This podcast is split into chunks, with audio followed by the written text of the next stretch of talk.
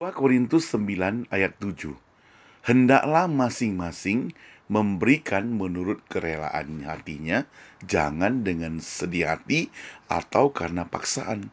Sebab Allah mengasihi orang yang memberi dengan sukacita.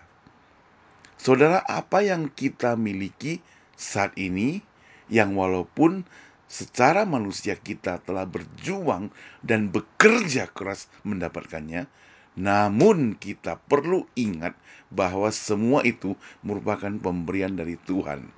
Itu sebabnya jangan sembarangan memboroskannya. Namun bukan berarti kita harus pelit atau pula kikir.